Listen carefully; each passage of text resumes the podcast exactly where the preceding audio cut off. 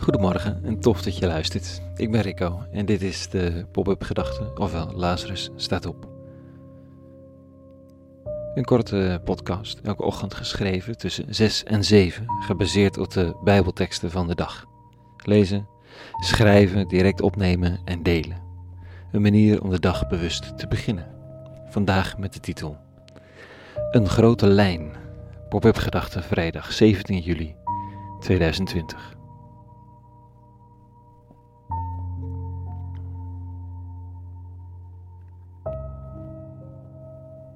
Dit is de laatste pop-up gedachte van seizoen 2019-2020.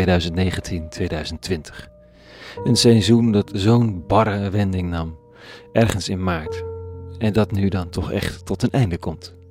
Hoe dat nieuwe seizoen weer zal beginnen en wat het zal brengen, dat weet niemand.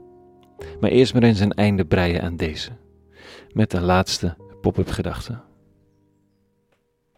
Er gaan ruim 250 pop-up gedachten in een jaar. 5 per week, 52 keer minus een aantal vakantieweken.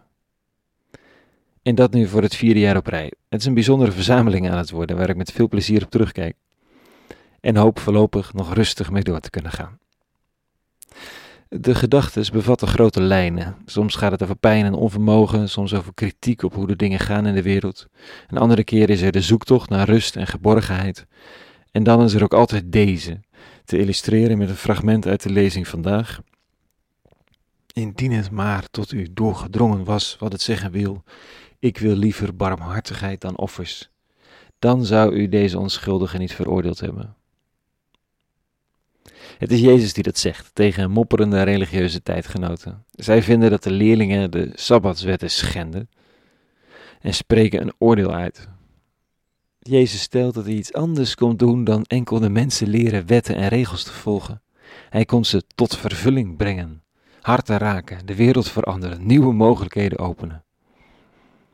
Sommigen zien het. Zij verlangden al naar verandering, naar hoop, naar herstelde levens van anderen en van zichzelf. Anderen zien het niet. Ze zijn bezig met het behouden van wat er is en hun posities. Zo van je mag van alles doen en vinden als je maar niet tornt aan de bestaande verhoudingen, aan de structuur der dingen, aan, jawel, hun machtsposities. Een volkomen gebrek aan visie en verlangen. Dus dit is een rode lijn in al die pop-up gedachtes. Er zijn meer rode lijnen aan te wijzen, maar dit is er eentje van: ik wil liever barmhartigheid dan offers. Niet dat opoffering een slecht idee is, daar hebben we mogelijk juist meer van nodig. Het gaat erom dat de religieuze eis, het handelen volgens de regels en verwachtingen, ook als ze religieus zijn, minder belangrijk is dan barmhartigheid. Dat is geen eenvoudige waarheid, want dat betekent dat je dus nooit domweg regels kunt volgen, er ook niet achter kunt verschuilen. De vraag is of je steeds opnieuw je hart wil laten spreken en dan een weg vinden om daar vorm aan te geven. Dat is met 500 kinderen uit Kamp Moria en met migratie en vluchtelingen überhaupt niet echt gelukt afgelopen seizoen. Er spraken wel harten, maar de structuren waren te heilig. En de barmhartigheid was wel degelijk aanwezig, maar liep stuk op de muren van de Nederlandse macht. God geklaagd.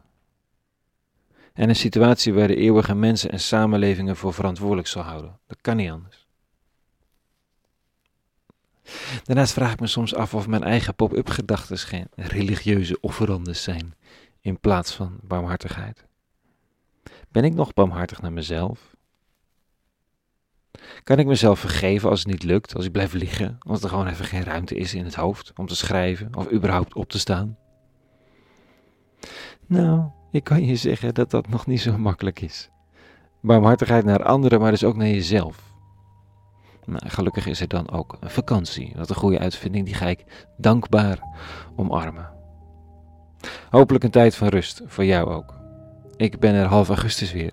Een aantal hele goede weken gewenst, wat je ook te doen of niet te doen staat. En vrede. En alle goeds.